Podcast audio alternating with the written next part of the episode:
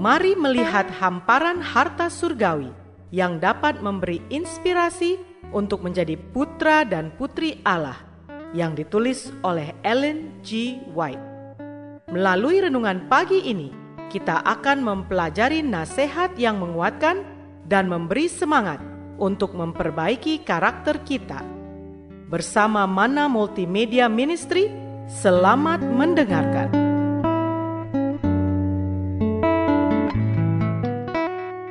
Shalom, selamat pagi saudaraku. Renungan pagi kita hari ini, 2 April, berjudul Pemeliharaan Hati dengan Tekun Penting untuk Pertumbuhan dalam Anugerah. Bersama saya, Samaria Sida Butar. Ayat intinya diambil dari Amsal 4 ayat 23. Demikian firman Tuhan. Jagalah hatimu dengan segala kewaspadaan, karena dari situlah terpancar kehidupan. Mari kita dengarkan penjelasannya.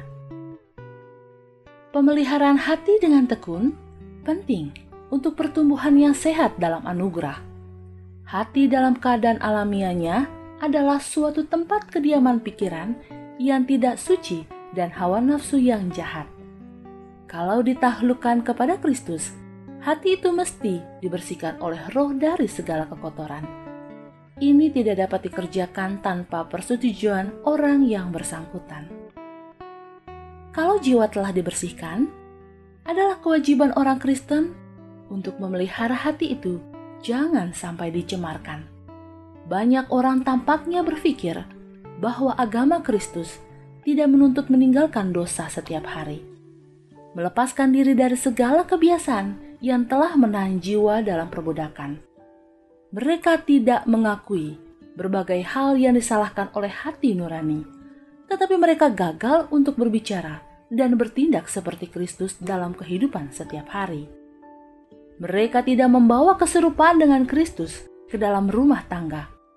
Mereka tidak menunjukkan kehati-hatian yang bijaksana dalam menulis kata-kata.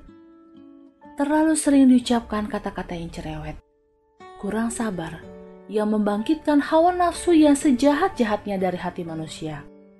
Orang-orang yang demikian memerlukan hadirat Kristus yang tetap di dalam jiwa. Hanya dalam kuasanya, mereka dapat berhati-hati terhadap perkataan dan perbuatan.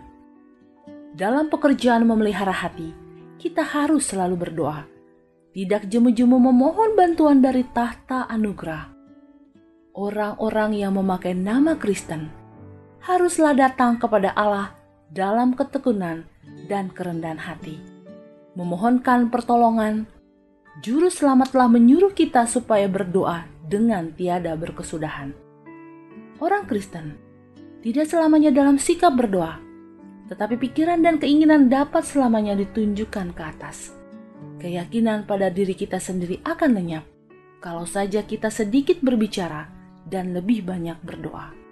Saudaraku yang terkasih di dalam Tuhan, kasih sayang haruslah dipusatkan kepada Allah. Renungkanlah kebesarannya, kemurahan, dan kemuliaannya. Biarlah kebajikan dan kasihnya, serta kesempurnaan tabiatnya menawan hatimu. Juru selamat dunia ini suka supaya anak-anak dan orang-orang muda menyerahkan hati mereka kepadanya. Doa kita hari ini.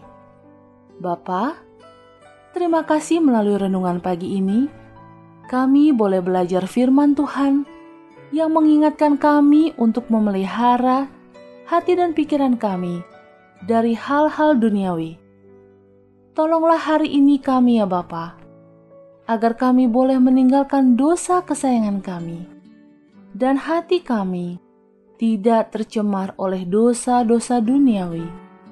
Kami percaya dengan pertolongan Tuhan, kami dimampukan untuk dapat melakukan hal yang terbaik di hadapan Tuhan.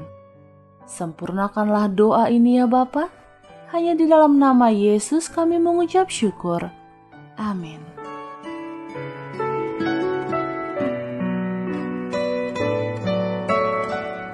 Demikianlah tadi pembahasan tentang menjadi putra dan putri Allah.